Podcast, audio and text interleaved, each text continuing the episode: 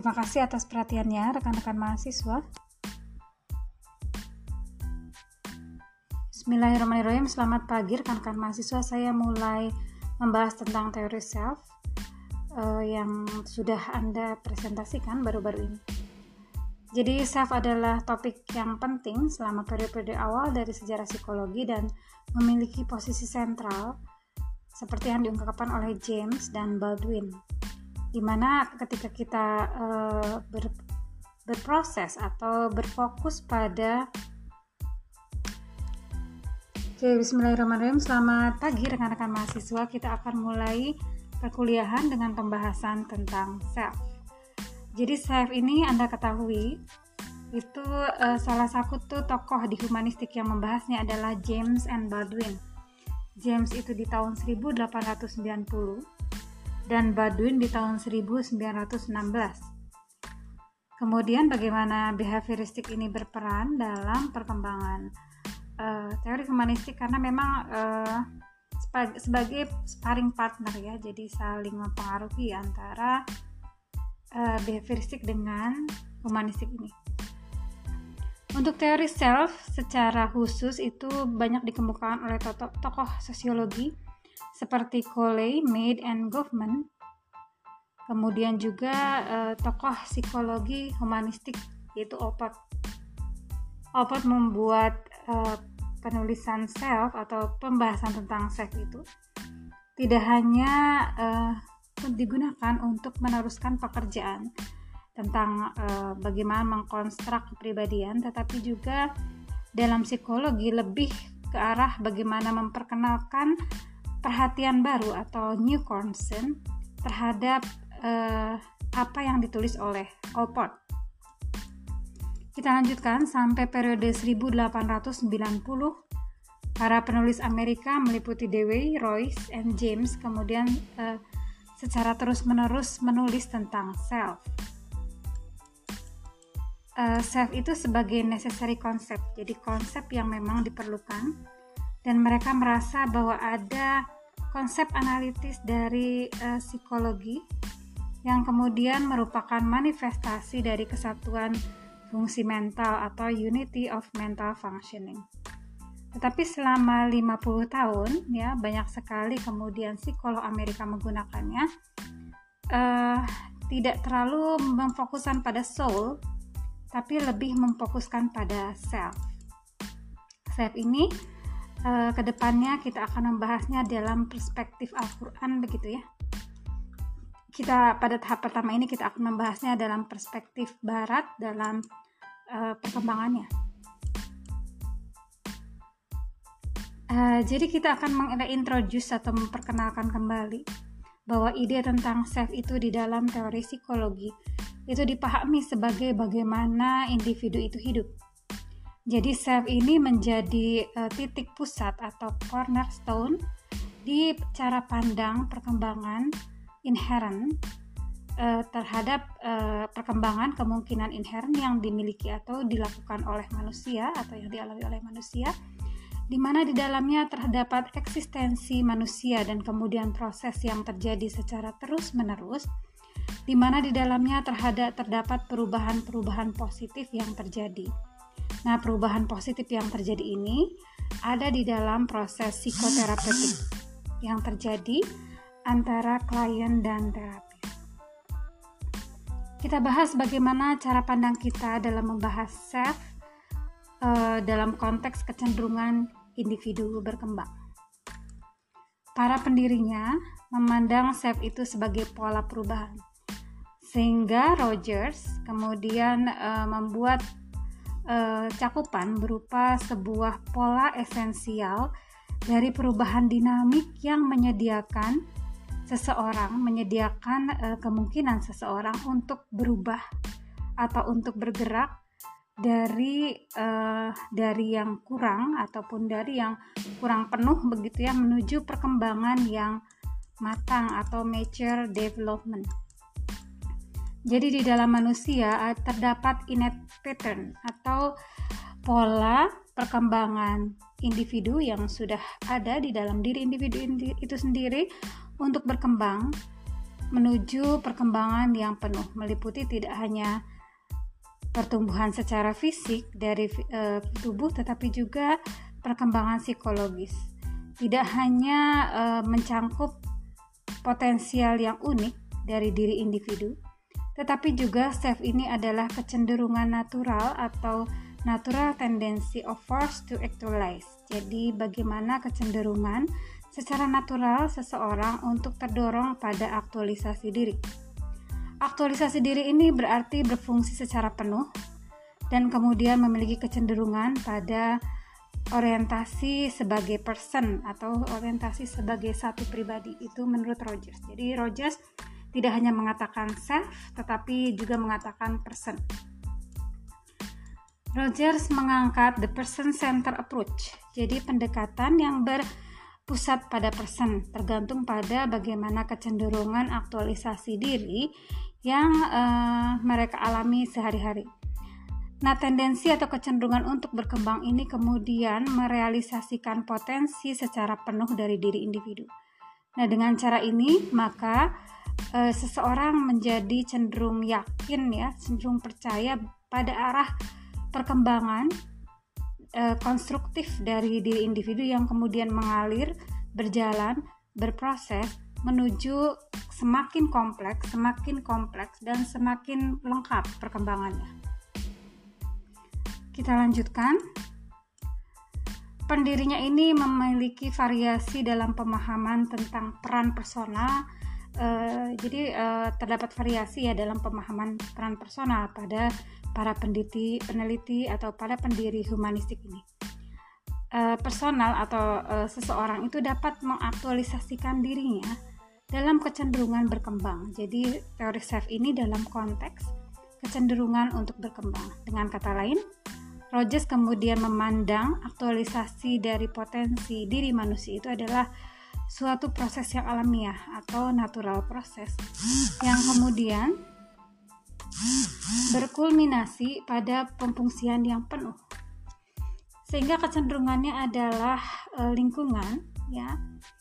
tekanan tekanan-tekanan, ketegangan yang ada di dalam lingkungan itu adalah bersumber dari lack of positive regard. Jadi kurangnya penerimaan secara positif dari orang tua sehingga dengan kata lain semakin eksistensial semakin eksistensial pengaruh seseorang, uh, semakin eksistensial pengaruh humanistik psikologi, maka uh, ide-ide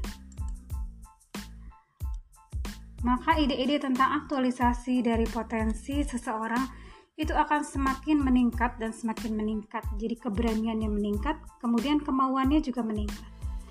Nah, Maslow di tahun 68 kemudian menyarankan bahwa Rogers itu sebenarnya kan memiliki Eh, faktor-faktor uh, ya yang uh, berkaitan dengan kemampuan eh kemauan untuk mengambil keputusan dan kemudian memilih cara yang sudah dipilih sendiri. Jadi sebenarnya kan Rogers ini lebih um, memilih atau lebih berposisi bahwa dia mempercayai atau meyakini atau menekankan pentingnya faktor kemauan. Kemudian kemauan untuk mengambil keputusan dan memilih cara yang dipilih sendiri. Jadi para pendiri-pendiri dari humanistik ini uh, yang mengangkat teori self itu self itu not as mind or thing. Jadi bukan sesuatu yang bersifat uh, bersifat jiwa ataupun uh, berupa thing atau sesuatu tetapi lebih kepada propensity. Jadi adalah suatu proses yang murni, suatu proses yang pure, pure ya, pure subject I. Jadi uh, diri saya secara murni adalah disebut sebagai self atau diri saya secara murni disebut sebagai becoming, selalu dalam proses menjadi. Jadi itu uh, kita mengambil dari definisi yang diambil oleh Olcott di tahun 1955. Maka self ini tidak statis, tapi self ini berubah dan berkembang Kemudian strukturnya itu bukan berarti tidak mengalami perubahan atau unchanging, tapi struktur ini selalu dan akan selalu berubah. Nah, self ini sering kali digunakan untuk mengembangkan kecenderungan individu untuk berkembang secara penuh. Nah, dorongan-dorongan untuk berkembang secara penuh ini sebenarnya terjadi di dalam diri individu ini, ini sendiri, kemudian di dalam proses eksistensi. Dengan kata lain, dorongan atau drive ya, tapi tidak dimaknakan ada di Freud sense to become a person on one truly and authentic can be. Jadi sense uh, self ini adalah kalau di Freud kita mengatakannya drive, tapi drive ini kalau di Freud cenderung biologis. Maka drive yang ada di humanistik ini cenderung bagaimana kita berkembang secara penuh yang sudah terjadi secara alamiah dalam proses eksistensi atau dalam proses menjadi. Dengan kata lain, dorongan itu adalah dorongan untuk menjadi individu yang betul-betul otentik. Nah, revolusi akibat dari ide-ide humanistik ini kemudian menggambarkan bagaimana self ini digambarkan eh, pendirinya sebagai kekuatan untuk melawan ya, melawan pandangan eh, pandangan yang terjadi pada waktu itu. Nah, pendiri-pendirinya membedakan pandangan tentang self itu dari ego psikoanalisis.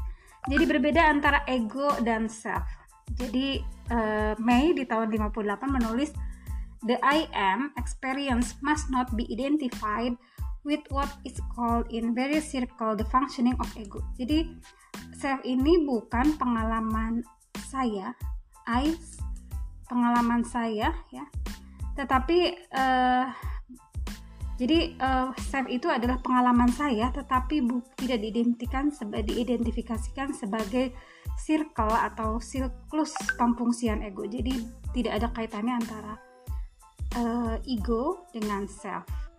Tapi self itu adalah bagaimana pengalaman yang uh, dimiliki oleh diri kita sendiri atau I am experience.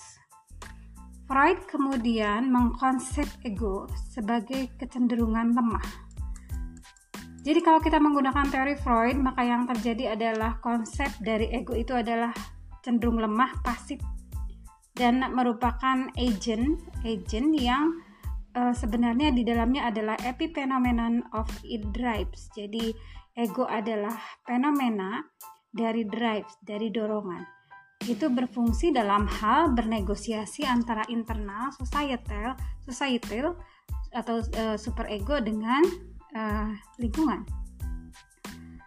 Sehingga kebutuhan untuk mereduksi ketegangan itu timbul dari faktor-faktor id yang tidak rilis itu uh, ego itu ya. Sehingga perkembangan psikoanalitik teori itu lebih ke arah ego psikologi seperti yang diungkapkan oleh Anna Freud ya.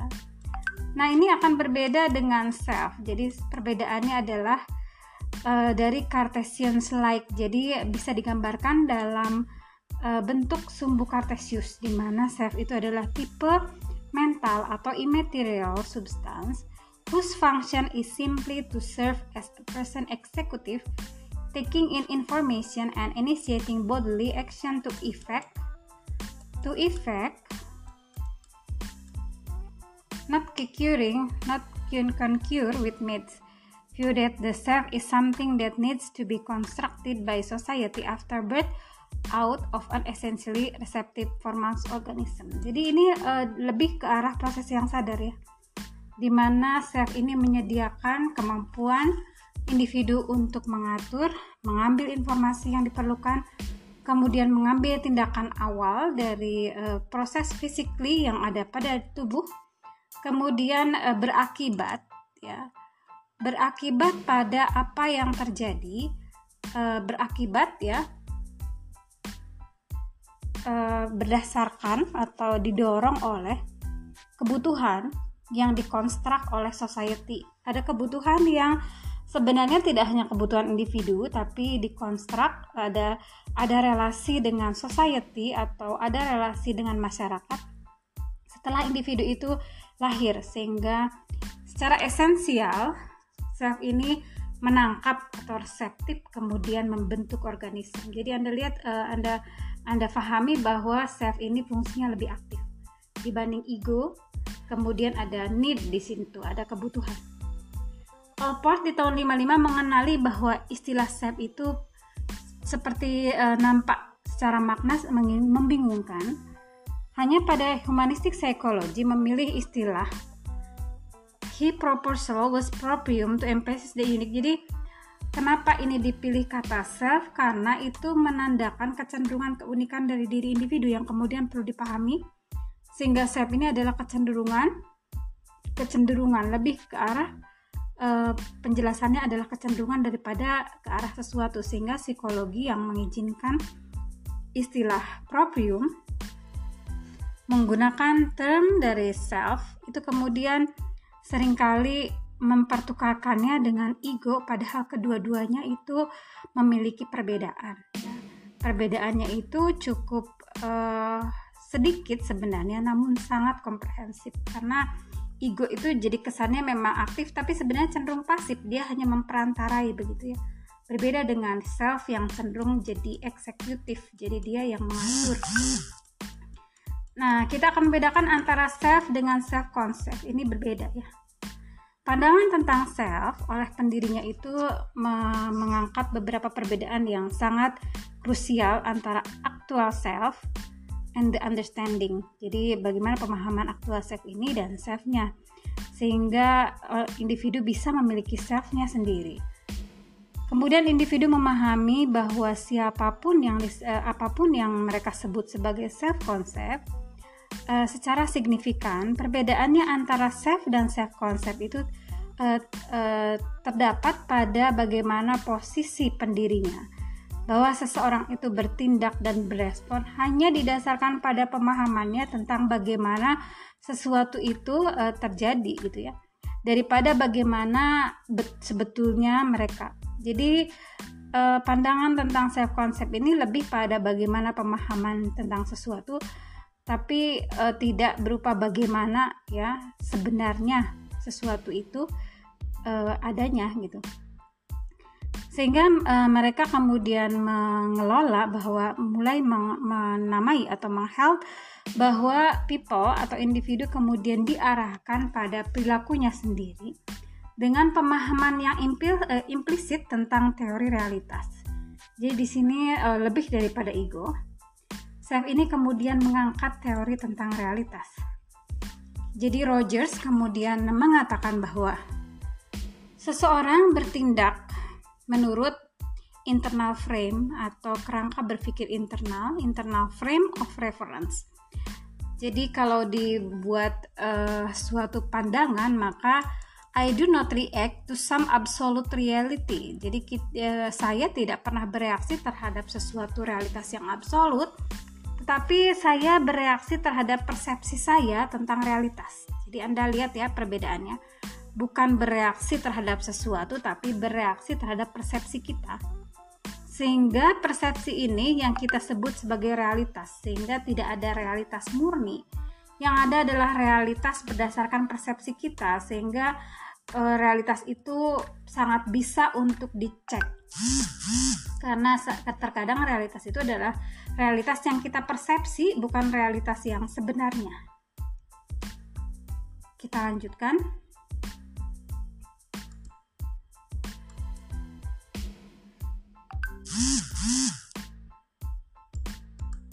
Kita lanjutkan. The konsep eh, konsep dalam memahami bahwa seseorang ini memiliki dunia berhubungan dengan orang lain itu kemudian uh, teori self ini juga menyediakan tidak hanya highlight atau tidak hanya pemaknaan tentang bagaimana kita memberikan makna terhadap pengalaman tetapi bagaimana juga kita bisa menutup sesuatu yang uh, menutup ya pengalaman kita terhadap pengalaman orang lain jadi sebenarnya kita bisa saja gitu ya mengcover kita bisa saja mengcover over atau menutup pengalaman kita yang kemudian orang di luar kita tidak bisa mengakses pengalaman kita tersebut. Sehingga suara ya ataupun pemahaman atau penangkapan tentang self seseorang atau actual self, once actual self itu adalah dorongan untuk selalu berkembang dan e, melakukan proses aktualisasi diri ke kemungkinan-kemungkinan yang positif. Bisa saja kita dinilai orang lain begini, begitu, begini, begitu gitu ya. E, itu akan menjadi self apabila kita persepsi dan itu adalah benar. Sehingga kalau kita menggunakan self itu sendiri, maka sebenarnya ada kemampuan kita untuk membuat benteng atau membuat uh, penutup atau cover terhadap other experience. Itu pengalaman orang lain, bukan pengalaman saya. Itu adalah fungsi self. Jadi the voice of one's actual self adalah force or growth and actualization of positive possibilities can be drawn out by conceptual scheme imposed by society and enforced by significant people in one's life. Jadi ketika kita mendorong atau mengembangkan self yang terjadi adalah ada dorongan dari dalam diri kita sendiri ya. Jadi tidak hanya pengaruh dari luar yang kemudian menilai kita seperti apa, tapi sebenarnya itu adalah ada dorongan dari dalam diri kita sendiri untuk menggerakkan dorongan-dorongan atau energi tersebut ke arah sesuatu yang lebih positif.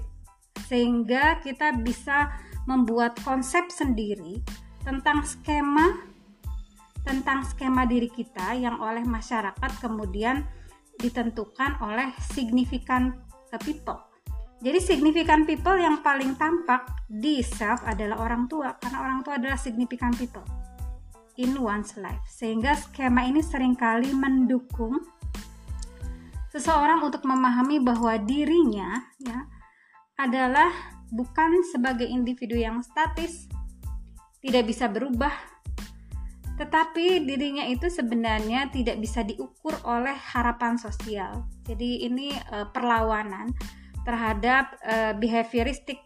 Jadi mungkin saja harapan sosial kepada kita itu adalah tidak mampu, mengalah begitu ya. Tapi sebenarnya ada dorongan di dalam diri kita yang sebenarnya itu tidak bisa ditentukan oleh harapan sosial terhadap kita. Sehingga mereka menjadi stuck. Jadi kalau kita terlalu bergantung pada harapan sosial yang terjadi adalah kita menjadi terpaku ya atau tertahan pada kondisi saat ini tanpa kemungkinan-kemungkinan lain. Sehingga realisasi dari uh, dorongan atau dukungan sosial itu kemudian menggambarkan self itu tidak hanya menggambarkan who and what people really are siapa atau orang seperti apa yang betul-betul bebas tetapi lebih mengarahkan pada perhatian bagaimana um, memisahkan atau memisahkan inilah suara hati saya dan itu suara hati kamu begitu. Jadi kan ada perbedaan atau ada perbedaan, ada pemisahan, tapi sebenarnya ada ciri-ciri yang bisa bergabung. Tapi tetap saja itu adalah kalau kita bicara self maka voice of their self. Jadi suara dari hati nurani dia sendiri bukan mengikuti suara hati nurani orang lain begitu ya. Jadi ketika konsep tentang skema seseorang itu cukup terbuka, maka mereka mengizinkan real self-nya itu kemudian memahami apa yang sebenarnya mereka rasakan. Jadi harus betul-betul berada pada skema yang eh, terbuka kemudian dia bisa saja misalkan memisahkan diri begitu sehingga betul-betul bisa mendengar suara hatinya sendiri. Uh, di sini Stagner menggambarkan sebagai uh, state that the experience of self ya. Jadi kondisi uh, pengalaman yang dialami oleh self itu adalah a kind of primitive experience about which communication is virtually impossible. One can experience self, but this experience must be unique personal I am what I am is the succinct biblical assertion that selfhood cannot be further defined but must be experienced. Jadi betul-betul pribadi ya.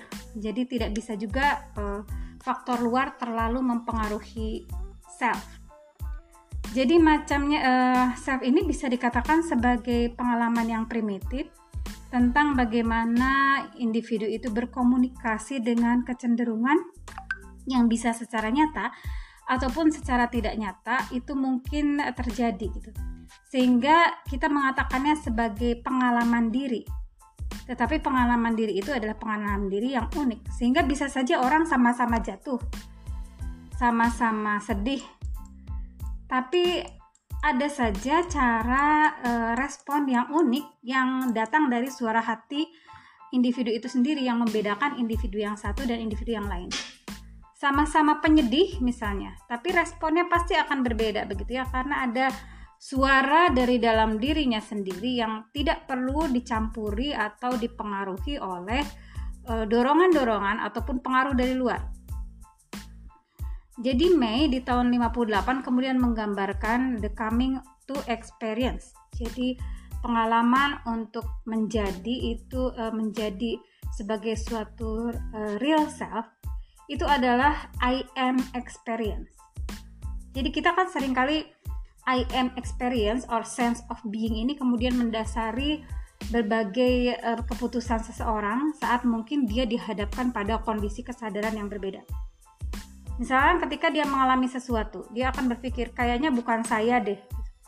Kenapa dia bisa mengatakan bukan saya? Karena dia memiliki sense of being.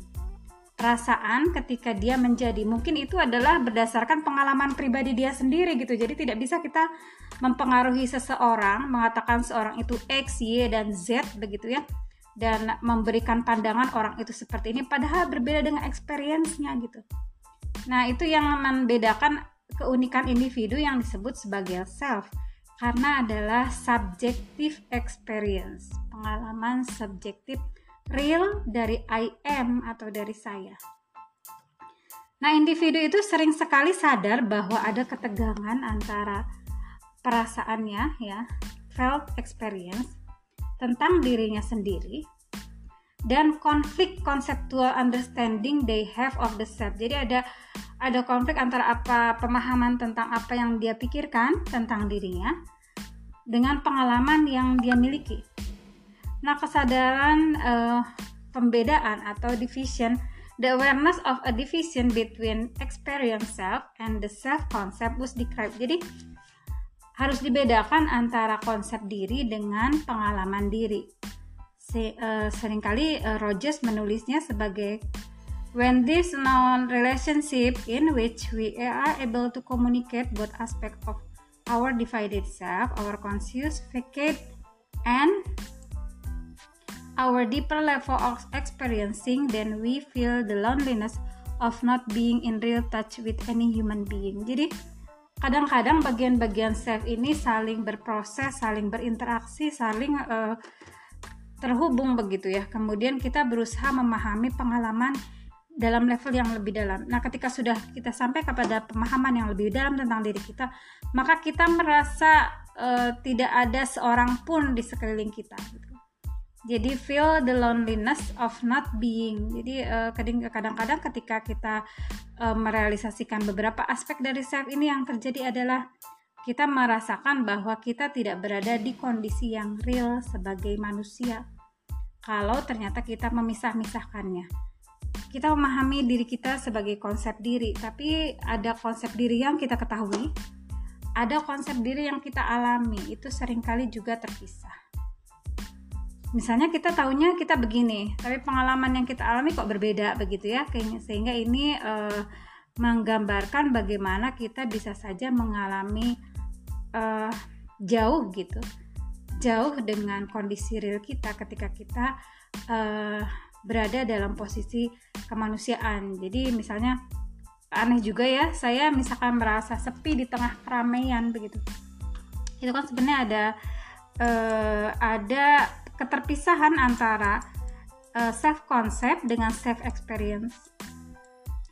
Nah uh, ketidakmampuan ya ketidak uh, ketidakmampuan atau tidak termediasinya pengalaman dari self ini kemudian dapat uh, menyediakan uh, kecenderungan pemahaman yang betul pemahaman yang betul terhadap diri seseorang dari apa dari who and what siapa dia gitu ya apa dia kemudian pengalaman itu kemudian dapat membentuk kembali konsep diri ke dalam uh, bentuk yang uh, lebih dasar ya bentuk dasar yang memungkinkan seorang beraktualisasi diri. Nah, kemungkinan ini adalah kemungkinan inherent atau kemungkinan yang ada dalam diri individu itu sendiri. Sehingga ketika self concept itu kemudian secara akurat menggambarkan self, maka itu dikatakan sebagai kongruen. Jadi uh, kongruen dan inkongruen itu ketika kita merasa fit gitu ya, cocok dengan konsep diri yang kita miliki. Nah kalau tidak cocok itu kita inkongruen. Jadi gini, kita sering mengalami ketidaknyamanan. Ketidaknyamanan itu kan sebenarnya bisa timbul dari dalam diri kita sendiri, bisa juga dari luar karena kita kan tidak pernah full murni bisa terlepas dari pengaruh lingkungan. Itu agak sulit kita melakukannya ya. Tapi yang terjadi adalah kita bisa merasa kongruen apabila memang self kita itu fit, cocok dengan apa yang kita maknakan gitu. Kalau tidak cocok kita jadi tidak nyaman. Saya contohkan kecemasan. Ya. E, misalnya Anda sudah bertahun-tahun jadi mahasiswa sudah bertahun-tahun gitu ya, udah semester 3, semester 6, ternyata Anda harus presentasi. Kok Anda cemas? Itu tidak fit ya. Karena apa? Uh, pengalamannya atau experience-nya dia sudah berkali-kali presentasi. Kok kenapa aku cemas? Nah, ini kan ada yang aneh gitu ya. Jadi ada kongruen dan inkongruen. Bisa saja self ini terpisah dari experience. Jadi dan itu yang biasanya kita maknakan sebagai inkongruen sehingga kita merasa tidak nyaman. E, ibaratnya ada orang yang sudah tahunan bekerja begitu kemudian harus memerankan orang yang e, tidak paham pekerjaan gitu atau e, tidak tenang cemas padahal sudah bertahun-tahun mereka menjalani itu. Itu kan tidak kongruen namanya. Jadi antara experience dengan uh, experience atau pengalaman dengan self dia pada saat ini tidak tidak sesuai bisa saja itu pengaruh lingkungan. Jadi ada ada kondisi state yang terjadi pada saat itu yang membuat experience-nya itu tidak sesuai dengan self-nya. Padahal self itu memang selalu berubah dari satu waktu ke waktu yang lain dari situasi satu ke situasi lain karena apa kita tidak pernah terlepas dari pengaruh lingkungan. Jadi perubahan suhu, perubahan lingkungan, perubahan hubungan, perubahan tempat sehingga bisa saja orang jadi inkongruen begitu. Nah, ini biasanya eh, caranya adalah kita harus memerantarai tadi ya, memediasi antara self dengan experience self. Karena itu tidak bisa terpisah. Maksudnya seseorang pernah mengalami berbagai macam pengalaman itu pasti akan built in. Pasti akan bersatu dengan self-nya. Tidak mungkin kalau tidak bersatu dengan self-nya. Kalau tidak bersatu dengan self-nya berarti bukan dia kan? Uh, sehingga anda harus memaknakan ini. Jadi uh, selalu harus ada mediasi atau penengah perantara yang memerantarai antara self dengan experience self self concept dengan experience self. Karena anda kalau di uh, energi psikologi maka anda akan memperoleh bahwa kita tidak pernah free dari energi atau pengaruh dari luar. Jadi perubahan-perubahan itu bisa terjadi karena pengaruh dari luar gitu. Uh, kalau anda berusaha untuk memahaminya dari experience self. Kita akan uh, berkilas balik. Pengalamanku tidak seperti ini kenapa jadi begini? Itu pasti akan terjadi uh, di setiap waktu karena apa? E, karena e, kalau kita masukkan ke EFT ya ada energi e, energi ada dinamika energi psikis yang selalu ada di sekeliling kita. Jadi kita tidak pernah free dari energi ya per, e, dinamika atau pertukaran ataupun perubahan energi yang ada di sekeliling kita dan itu biasanya yang membuat individu menjadi kongruen ataupun uh, inkongruen tadi.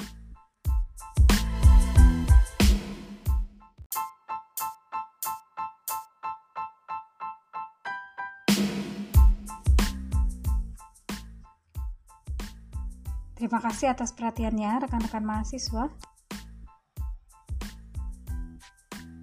Bismillahirrahmanirrahim. Selamat pagi rekan-rekan mahasiswa. Saya mulai membahas tentang teori self uh, yang sudah Anda presentasikan baru-baru ini. Jadi self adalah topik yang penting selama periode awal dari sejarah psikologi dan memiliki posisi sentral seperti yang diungkapkan oleh James dan Baldwin. Di mana ketika kita uh, ber, berproses atau berfokus pada Oke, bismillahirrahmanirrahim. Selamat pagi rekan-rekan mahasiswa. Kita akan mulai perkuliahan dengan pembahasan tentang self. Jadi self ini Anda ketahui itu uh, salah satu tuh tokoh di humanistik yang membahasnya adalah James and Baldwin. James itu di tahun 1890 dan Baldwin di tahun 1916. Kemudian bagaimana behavioristik ini berperan dalam perkembangan uh, teori humanistik karena memang uh, sebagai sparring partner ya jadi saling mempengaruhi antara uh, behavioristik dengan humanistik ini untuk teori self secara khusus itu banyak dikemukakan oleh tokoh, tokoh sosiologi seperti Coley, Mead, and Goffman. Kemudian juga uh, tokoh psikologi humanistik yaitu Opat. Opat membuat uh, penulisan self atau pembahasan tentang self itu tidak hanya uh, digunakan untuk meneruskan pekerjaan tentang uh, bagaimana mengkonstruk kepribadian, tetapi juga dalam psikologi lebih ke arah bagaimana memperkenalkan perhatian baru atau new concern terhadap uh, apa yang ditulis oleh Allport. Kita lanjutkan sampai periode 1890. Para penulis Amerika meliputi Dewey, Royce, and James kemudian uh, secara terus-menerus menulis tentang self. Uh, self itu sebagai necessary concept, jadi konsep yang memang diperlukan dan mereka merasa bahwa ada konsep analitis dari uh, psikologi yang kemudian merupakan manifestasi dari kesatuan fungsi mental atau unity of mental functioning. Tetapi selama 50 tahun ya banyak sekali kemudian psikolog Amerika menggunakannya uh, tidak terlalu memfokuskan pada soul tapi lebih memfokuskan pada self. Self ini uh, ke depannya kita akan membahasnya dalam perspektif Al-Quran begitu ya kita pada tahap pertama ini kita akan membahasnya dalam perspektif barat dalam uh, perkembangannya. Uh, jadi kita akan mengintroduce atau memperkenalkan kembali bahwa ide tentang self itu di dalam teori psikologi itu dipahami sebagai bagaimana individu itu hidup. Jadi self ini menjadi uh, titik pusat atau cornerstone di cara pandang perkembangan inherent uh, terhadap uh, perkembangan kemungkinan inherent yang dimiliki atau dilakukan oleh manusia atau yang dialami oleh manusia di mana di dalamnya terdapat eksistensi manusia dan kemudian proses yang terjadi secara terus-menerus di mana di dalamnya terhadap terdapat perubahan-perubahan positif yang terjadi. Nah, perubahan positif yang terjadi ini ada di dalam proses psikoterapeutik yang terjadi antara klien dan terapis. Kita bahas bagaimana cara pandang kita dalam membahas self uh, dalam konteks kecenderungan individu berkembang. Para pendirinya memandang self itu sebagai pola perubahan, sehingga Rogers kemudian uh, membuat uh, cakupan berupa sebuah pola esensial dari perubahan dinamik yang menyediakan seseorang menyediakan uh, kemungkinan seseorang untuk berubah atau untuk bergerak dari uh, dari yang kurang ataupun dari yang kurang penuh begitu ya menuju perkembangan yang matang atau mature development. Jadi di dalam manusia uh, terdapat innate pattern atau pola perkembangan individu yang sudah ada di dalam diri individu itu sendiri untuk berkembang menuju perkembangan yang penuh meliputi tidak hanya pertumbuhan secara fisik dari e, tubuh tetapi juga perkembangan psikologis tidak hanya e, mencangkup potensial yang unik dari diri individu tetapi juga self ini adalah kecenderungan natural atau natural tendency of force to actualize. Jadi bagaimana kecenderungan secara natural seseorang untuk terdorong pada aktualisasi diri.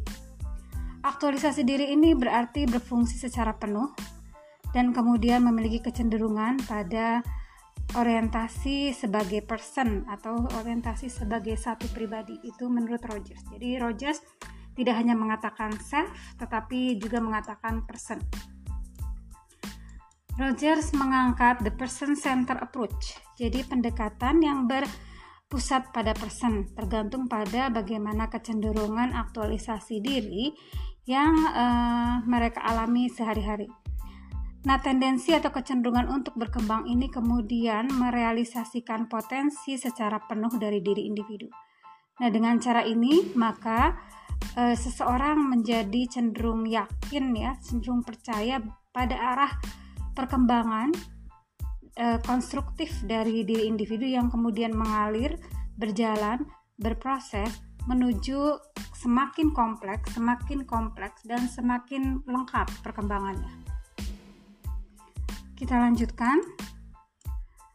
Pendirinya ini memiliki variasi dalam pemahaman tentang peran personal Uh, jadi uh, terdapat variasi ya dalam pemahaman peran personal pada para peneliti, peneliti atau pada pendiri humanistik ini.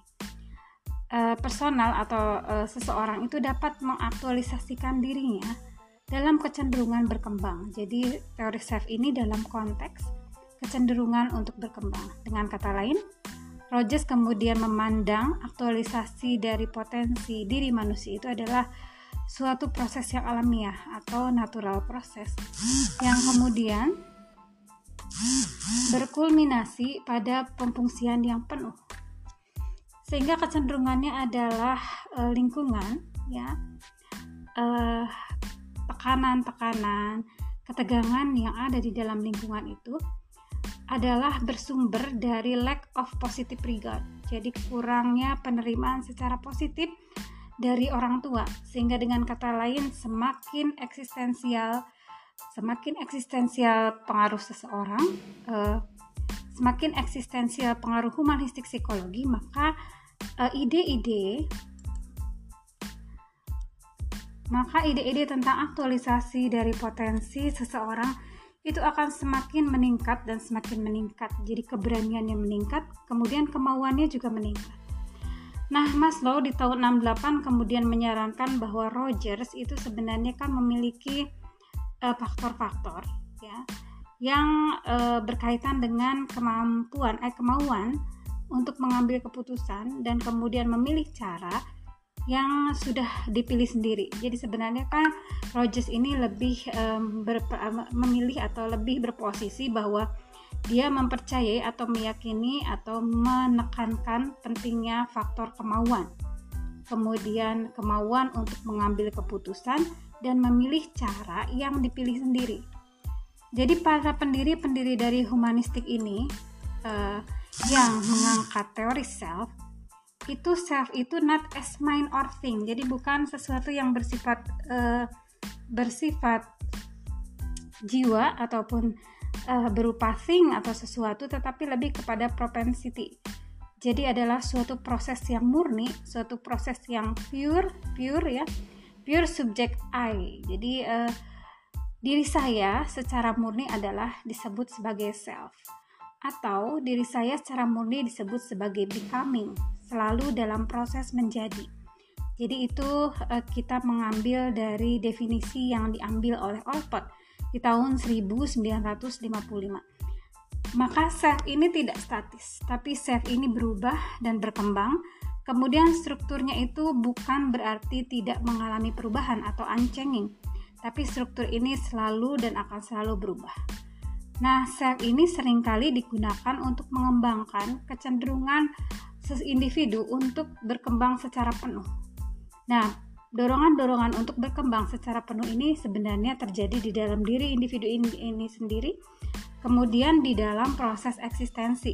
Dengan kata lain, dorongan atau drive, ya, tapi tidak dimaknakan ada di Freud sense, to become a person on one truly and authentic can be. Jadi sense uh, self ini adalah kalau di Freud kita mengatakannya drive tapi drive ini kalau di Freud cenderung biologis maka drive yang ada di humanistik ini cenderung bagaimana kita berkembang secara penuh yang sudah terjadi secara alamiah dalam proses eksistensi atau dalam proses menjadi. Dengan kata lain, dorongan itu adalah dorongan untuk menjadi individu yang betul-betul otentik. Nah, revolusi akibat dari ide-ide humanistik ini kemudian menggambarkan bagaimana self ini digambarkan eh, pendirinya sebagai kekuatan untuk melawan ya melawan pandangan eh, pandangan yang terjadi pada waktu itu. Nah, pendiri-pendirinya membedakan pandangan tentang self itu dari ego psikoanalisis. Jadi berbeda antara ego dan self. Jadi eh, May di tahun 58 menulis The I am experience must not be identified with what is called in various circle the functioning of ego. Jadi self ini bukan pengalaman saya, I pengalaman saya ya.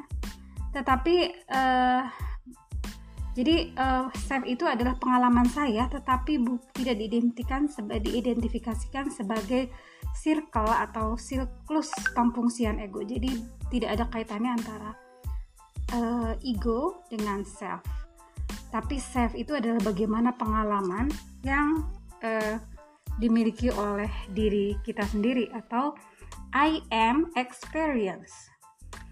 Freud kemudian mengkonsep ego sebagai kecenderungan lemah. Jadi kalau kita menggunakan teori Freud, maka yang terjadi adalah konsep dari ego itu adalah cenderung lemah, pasif dan merupakan agent, agent yang uh, sebenarnya di dalamnya adalah epiphenomenon of it drives. Jadi ego adalah fenomena dari drives, dari dorongan. Itu berfungsi dalam hal bernegosiasi antara internal societal, societal atau uh, ego dengan uh, lingkungan. Sehingga kebutuhan untuk mereduksi ketegangan itu timbul dari faktor-faktor id yang tidak rilis itu uh, ego itu ya sehingga perkembangan psikoanalitik teori itu lebih ke arah ego psikologi seperti yang diungkapkan oleh Anna Freud ya. Nah, ini akan berbeda dengan self. Jadi perbedaannya adalah uh, dari Cartesian like. Jadi bisa digambarkan dalam uh, bentuk sumbu Cartesius di mana self itu adalah tipe mental atau immaterial substance whose function is simply to serve as a person executive, taking in information and initiating bodily action to effect, to effect, not curing, not concur with myths. View that the self is something that needs to be constructed by society after birth out of an essentially receptive formal organism. Jadi ini uh, lebih ke arah proses yang sadar ya di mana self ini menyediakan kemampuan individu untuk mengatur, mengambil informasi yang diperlukan, kemudian mengambil tindakan awal dari uh, proses physically yang ada pada tubuh, kemudian uh, berakibat ya. Berakibat pada apa yang terjadi, uh, berakibat ya berdasarkan atau didorong oleh kebutuhan yang dikonstruk oleh society. Ada kebutuhan yang sebenarnya tidak hanya kebutuhan individu tapi dikonstruk ada ada relasi dengan society atau ada relasi dengan masyarakat setelah individu itu lahir sehingga secara esensial self ini menangkap atau reseptif kemudian membentuk organisme. Jadi Anda lihat uh, Anda Anda pahami bahwa self ini fungsinya lebih aktif dibanding ego kemudian ada need di situ, ada kebutuhan. Allport di tahun 55 mengenali bahwa istilah self itu seperti e, nampak secara makna membingungkan. Hanya pada humanistik psikologi memilih istilah he proposal was proprium to emphasize the unique. Jadi kenapa ini dipilih kata self? Karena itu menandakan kecenderungan keunikan dari diri individu yang kemudian perlu dipahami sehingga self ini adalah kecenderungan kecenderungan lebih ke arah uh, penjelasannya adalah kecenderungan daripada ke arah sesuatu. Sehingga psikologi yang mengizinkan istilah proprium menggunakan term dari self itu kemudian sering kali mempertukarkannya dengan ego padahal kedua-duanya itu memiliki perbedaan. Perbedaannya itu cukup uh, sedikit sebenarnya namun sangat komprehensif. Karena ego itu jadi kesannya memang aktif tapi sebenarnya cenderung pasif. Dia hanya memperantarai begitu ya. Berbeda dengan self yang cenderung jadi eksekutif jadi dia yang mengatur. Nah kita akan membedakan antara self dengan self concept ini berbeda ya. Pandangan tentang self oleh pendirinya itu mengangkat beberapa perbedaan yang sangat krusial antara actual self and the understanding. Jadi bagaimana pemahaman actual self ini dan self-nya sehingga uh, individu bisa memiliki self-nya sendiri. Kemudian individu memahami bahwa siapa pun yang uh, apa pun yang mereka sebut sebagai self concept uh, secara signifikan perbedaannya antara self dan self concept itu terdapat pada bagaimana posisi pendirinya bahwa seseorang itu bertindak dan berespon hanya didasarkan pada pemahamannya tentang bagaimana sesuatu itu uh, terjadi gitu ya. Daripada bagaimana sebetulnya mereka. Jadi uh, pandangan tentang self concept ini lebih pada bagaimana pemahaman tentang sesuatu tapi uh, tidak berupa bagaimana ya sebenarnya sesuatu itu uh, adanya gitu sehingga uh, mereka kemudian mengelola bahwa mulai menamai atau menghelp bahwa people atau individu kemudian diarahkan pada perilakunya sendiri dengan pemahaman yang impil, uh, implisit tentang teori realitas. Jadi di sini uh, lebih daripada ego, Self ini kemudian mengangkat teori tentang realitas. Jadi Rogers kemudian mengatakan bahwa seseorang bertindak menurut internal frame atau kerangka berpikir internal, internal frame of reference. Jadi kalau dibuat uh, suatu pandangan maka I do not react to some absolute reality. Jadi kita, uh, eh, saya tidak pernah bereaksi terhadap sesuatu realitas yang absolut, tetapi saya bereaksi terhadap persepsi saya tentang realitas. Jadi Anda lihat ya perbedaannya. Bukan bereaksi terhadap sesuatu tapi bereaksi terhadap persepsi kita. Sehingga persepsi ini yang kita sebut sebagai realitas, sehingga tidak ada realitas murni.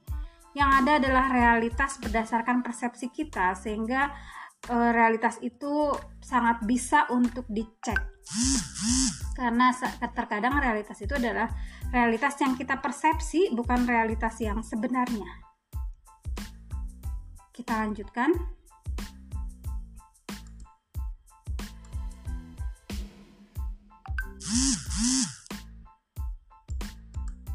Kita lanjutkan. The konsep eh, konsep dalam memahami bahwa seseorang ini memiliki dunia berhubungan dengan orang lain itu kemudian uh, teori self ini juga menyediakan tidak hanya highlight atau tidak hanya pemaknaan tentang bagaimana kita memberikan makna terhadap pengalaman tetapi bagaimana juga kita bisa menutup sesuatu yang uh, menutup ya pengalaman kita terhadap pengalaman orang lain jadi sebenarnya kita bisa saja gitu ya mengcover kita bisa saja mengcover over atau menutup pengalaman kita yang kemudian orang di luar kita tidak bisa mengakses pengalaman kita tersebut.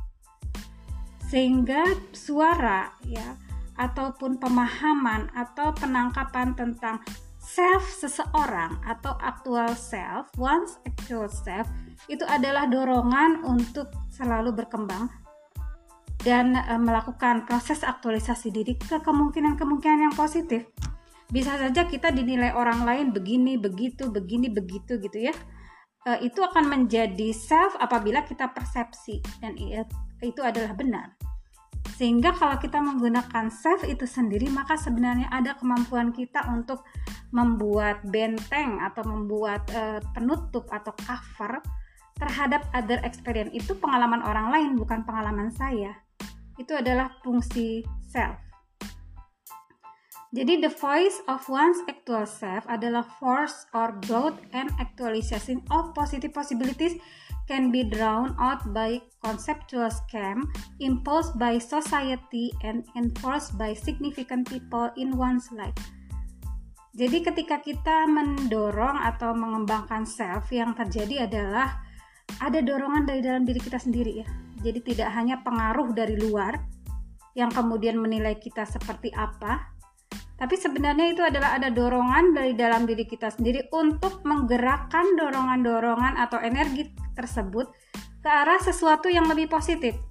Sehingga kita bisa membuat konsep sendiri tentang skema tentang skema diri kita yang oleh masyarakat kemudian ditentukan oleh significant people jadi significant people yang paling tampak di self adalah orang tua karena orang tua adalah significant people in one's life. Sehingga skema ini sering kali mendukung seseorang untuk memahami bahwa dirinya ya adalah bukan sebagai individu yang statis, tidak bisa berubah, tetapi dirinya itu sebenarnya tidak bisa diukur oleh harapan sosial. Jadi ini uh, perlawanan terhadap uh, behavioristik. Jadi mungkin saja harapan sosial kepada kita itu adalah tidak mampu, mengalah begitu ya. Tapi sebenarnya ada dorongan di dalam diri kita yang sebenarnya itu tidak bisa ditentukan oleh harapan sosial terhadap kita. Sehingga mereka menjadi stuck. Jadi kalau kita terlalu bergantung pada harapan sosial yang terjadi adalah kita menjadi terpaku ya atau tertahan pada kondisi saat ini tanpa kemungkinan-kemungkinan lain. Sehingga realisasi dari uh, dorongan atau dukungan sosial itu kemudian menggambarkan self itu tidak hanya menggambarkan who and what people really are siapa atau orang seperti apa yang betul-betul bebas tetapi lebih mengarahkan pada perhatian bagaimana um, memisahkan ataupun memisahkan inilah suara hati saya dan itu suara hati kamu begitu. Jadi kan ada perbedaan atau ada perbedaan, ada pemisahan, tapi sebenarnya ada ciri-ciri yang bisa bergabung. Tapi tetap saja itu adalah kalau kita bicara self maka voice of their self. Jadi suara dari hati nurani dia sendiri bukan mengikuti suara hati nurani orang lain begitu ya. Jadi ketika konsep tentang skema seseorang itu cukup terbuka, maka mereka mengizinkan real self-nya itu kemudian memahami apa yang sebenarnya mereka rasakan. Jadi harus betul-betul berada pada skema yang uh, terbuka, kemudian dia bisa saja misalkan memisahkan diri begitu sehingga betul-betul bisa mendengar suara hatinya sendiri. Uh, di sini Stagner menggambarkan sebagai uh, state that the experience of self, ya.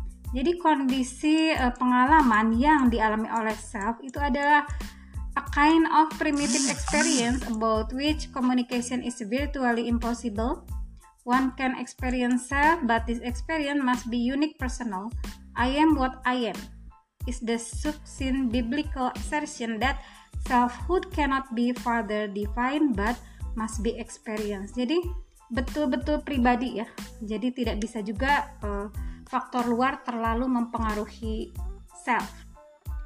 Jadi macamnya uh, self ini bisa dikatakan sebagai pengalaman yang primitif tentang bagaimana individu itu berkomunikasi dengan kecenderungan yang bisa secara nyata ataupun secara tidak nyata itu mungkin terjadi gitu.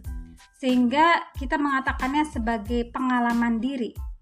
Tetapi pengalaman diri itu adalah pengalaman diri yang unik sehingga bisa saja orang sama-sama jatuh. Sama-sama sedih. Tapi ada saja cara e, respon yang unik yang datang dari suara hati individu itu sendiri yang membedakan individu yang satu dan individu yang lain. Sama-sama penyedih misalnya, tapi responnya pasti akan berbeda begitu ya karena ada suara dari dalam dirinya sendiri yang tidak perlu dicampuri atau dipengaruhi oleh eh, dorongan-dorongan ataupun pengaruh dari luar. Jadi May di tahun 58 kemudian menggambarkan the coming to experience. Jadi pengalaman untuk menjadi itu uh, menjadi sebagai suatu uh, real self itu adalah I am experience. Jadi kita kan sering kali I am experience or sense of being ini kemudian mendasari berbagai uh, keputusan seseorang saat mungkin dia dihadapkan pada kondisi kesadaran yang berbeda. Misalnya ketika dia mengalami sesuatu, dia akan berpikir kayaknya bukan saya deh. Kenapa dia bisa mengatakan bukan saya? Karena dia memiliki sense of being perasaan ketika dia menjadi. Mungkin itu adalah berdasarkan pengalaman pribadi dia sendiri gitu. Jadi tidak bisa kita mempengaruhi seseorang mengatakan seorang itu X, Y, dan Z begitu ya dan memberikan pandangan orang itu seperti ini padahal berbeda dengan experience-nya gitu. Nah itu yang membedakan keunikan individu yang disebut sebagai self karena adalah subjective experience pengalaman subjektif real dari I am atau dari saya. Nah, individu itu sering sekali sadar bahwa ada ketegangan antara perasaannya ya, felt experience tentang dirinya sendiri dan konflik conceptual understanding they have of the self. Jadi ada ada konflik antara apa pemahaman tentang apa yang dia pikirkan tentang dirinya dengan pengalaman yang dia miliki. Nah, kesadaran uh, pembedaan atau division, the awareness of a division between experience self and the self concept was described. Jadi harus dibedakan antara konsep diri dengan pengalaman diri. Se, uh, sering kali uh, Rogers menulisnya sebagai when this non relationship in which we are able to communicate both aspect of our divided self, our conscious, vacate, and our deeper level of experiencing, then we feel the loneliness of not being in real touch with any human being. Jadi kadang-kadang bagian-bagian self ini saling berproses, saling berinteraksi, saling uh, terhubung begitu ya. Kemudian kita berusaha memahami pengalaman dalam level yang lebih dalam. Nah, ketika sudah kita sampai kepada pemahaman yang lebih dalam tentang diri kita, maka kita merasa uh, tidak ada seorang pun di sekeliling kita. Jadi feel the loneliness of not being. Jadi uh, kadang-kadang ketika kita uh, merealisasikan beberapa aspek dari self ini yang terjadi adalah kita merasakan bahwa kita tidak berada di kondisi yang real sebagai manusia. Kalau ternyata kita memisah-misahkannya. Kita memahami diri kita sebagai konsep diri tapi ada konsep diri yang kita ketahui ada konsep diri yang kita alami itu sering kali juga terpisah misalnya kita tahunya kita begini tapi pengalaman yang kita alami kok berbeda begitu ya sehingga ini uh, menggambarkan bagaimana kita bisa saja mengalami uh, jauh gitu jauh dengan kondisi real kita ketika kita uh, berada dalam posisi kemanusiaan. Jadi misalnya aneh juga ya saya misalkan merasa sepi di tengah keramaian begitu. Itu kan sebenarnya ada uh, ada keterpisahan antara uh, self concept dengan self experience. Nah, uh, ketidakmampuan ya, ketidak uh, ketidakmampuan atau tidak termediasinya pengalaman dari self ini kemudian dapat uh, menyediakan uh, kecenderungan pemahaman yang betul pemahaman yang betul terhadap diri seseorang dari apa dari who and what siapa dia gitu ya apa dia. Kemudian pengalaman itu kemudian dapat membentuk kembali konsep diri ke dalam uh, bentuk yang uh, lebih dasar ya. Bentuk dasar yang memungkinkan seorang beraktualisasi diri. Nah kemungkinan ini adalah kemungkinan inherent atau kemungkinan yang ada dalam diri individu itu sendiri. Sehingga ketika self konsep itu kemudian secara akurat menggambarkan self maka itu dikatakan sebagai kongruen. Jadi uh, kongruen dan inkongruen itu ketika kita merasa fit gitu ya, cocok dengan konsep diri yang kita miliki. Nah kalau tidak cocok itu kita inkongruen. Jadi gini, kita sering mengalami ketidaknyamanan ketidaknyamanan itu kan sebenarnya bisa timbul dari dalam diri kita sendiri bisa juga dari luar karena kita kan tidak pernah full murni bisa terlepas dari pengaruh lingkungan. Itu agak sulit kita melakukannya ya. Tapi yang terjadi adalah kita bisa merasa kongruen apabila memang self kita itu fit cocok dengan apa yang kita maknakan gitu. Kalau tidak cocok kita jadi tidak nyaman. Saya contohkan kecemasan uh, misalnya Anda sudah bertahun-tahun jadi mahasiswa sudah bertahun-tahun gitu ya udah semester 3, semester 6 ternyata Anda harus presentasi. Kok Anda cemas? Itu tidak fit ya? Karena apa? Uh, pengalamannya atau experience-nya dia sudah berkali-kali presentasi.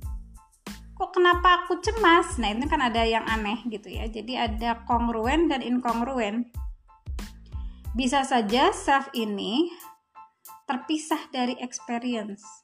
Jadi dan itu yang biasanya kita maknakan sebagai inkongruen sehingga kita merasa tidak nyaman. E, ibaratnya ada orang yang sudah tahunan bekerja begitu.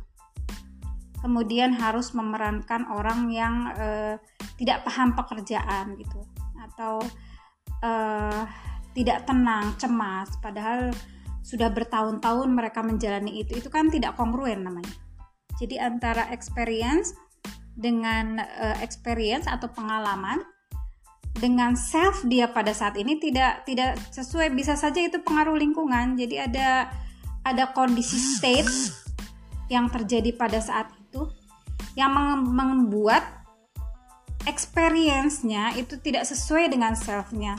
Padahal self itu memang selalu berubah dari satu waktu ke waktu yang lain, dari situasi satu ke situasi lain karena apa kita tidak pernah terlepas dari pengaruh lingkungan. Jadi perubahan suhu, perubahan lingkungan, perubahan hubungan, perubahan tempat sehingga bisa saja orang jadi inkongruen begitu. Nah, ini biasanya eh, caranya adalah kita harus memerantarai tadi ya, memediasi antara self dengan experience self karena itu tidak bisa terpisah. Maksudnya seseorang pernah mengalami berbagai macam pengalaman itu pasti akan built in, pasti akan bersatu dengan selfnya. Tidak mungkin kalau tidak bersatu dengan selfnya. Kalau tidak bersatu dengan selfnya berarti bukan dia kan. Uh, sehingga Anda harus memaknakan ini. Jadi uh, selalu harus ada mediasi atau penengah perantara yang memerantarai antara self dengan experience self self concept dengan experience self karena anda kalau di uh, energi psikologi maka anda akan memperoleh bahwa kita tidak pernah free dari energi atau pengaruh dari luar jadi perubahan-perubahan itu bisa terjadi karena pengaruh dari luar gitu uh, kalau anda berusaha untuk memahaminya dari experience self kita akan e, berkilas balik. Pengalamanku tidak seperti ini, kenapa jadi begini? Itu pasti akan terjadi e, di setiap waktu. Karena apa? E, karena e, kalau kita masukkan ke EFT ya, ada energi e, energi ada dinamika energi psikis yang selalu ada di sekeliling kita jadi kita tidak pernah free dari energi ya per, uh, dinamika atau pertukaran ataupun perubahan energi yang ada di sekeliling kita. Dan itu biasanya yang membuat individu menjadi kongruen ataupun uh, inkongruen tadi.